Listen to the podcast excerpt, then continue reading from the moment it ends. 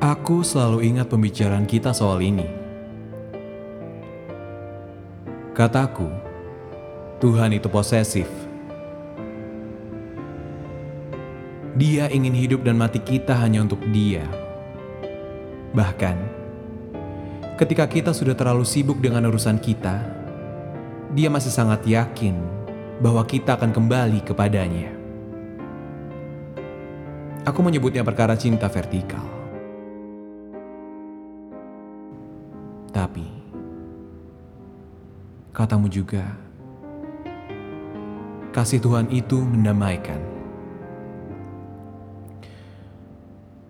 Lihat bagaimana manusia saling mencintai sejak ruhnya bahkan belum ditiupkan pada raganya.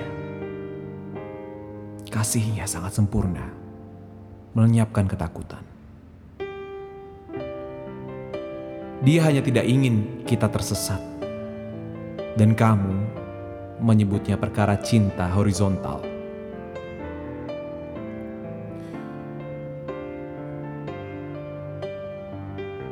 Tapi, yang aku tahu, kita juga sepakat.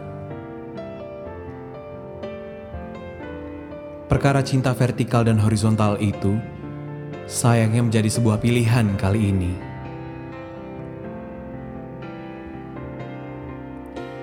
Sebuah pilihan dalam kisah kasih yang telah ditentukan akhirnya. Bahkan sejak awal cerita ini dimulai. Tapi bukankah Tuhan yang menciptakan rasa itu? Pertemuan demi pertemuan Tuhan yang aturkan.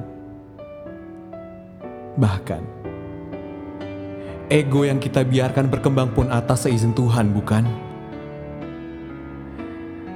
Aku tidak pernah meminta Tuhan mempertemukan kita. Tidak juga aku menyesal. Tapi, kali ini aku ingin meminta pada Tuhan. Dan semoga Tuhan masih mengizinkan kita mengasuh rasa dalam perbedaan agar mereka tak menjadi rapuh dengan kesedihan dan kebahagiaan yang tidak pernah utuh.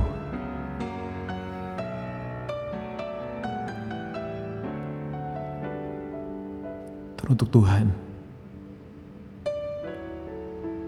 yang kita sebut dalam nama dan cara yang berbeda.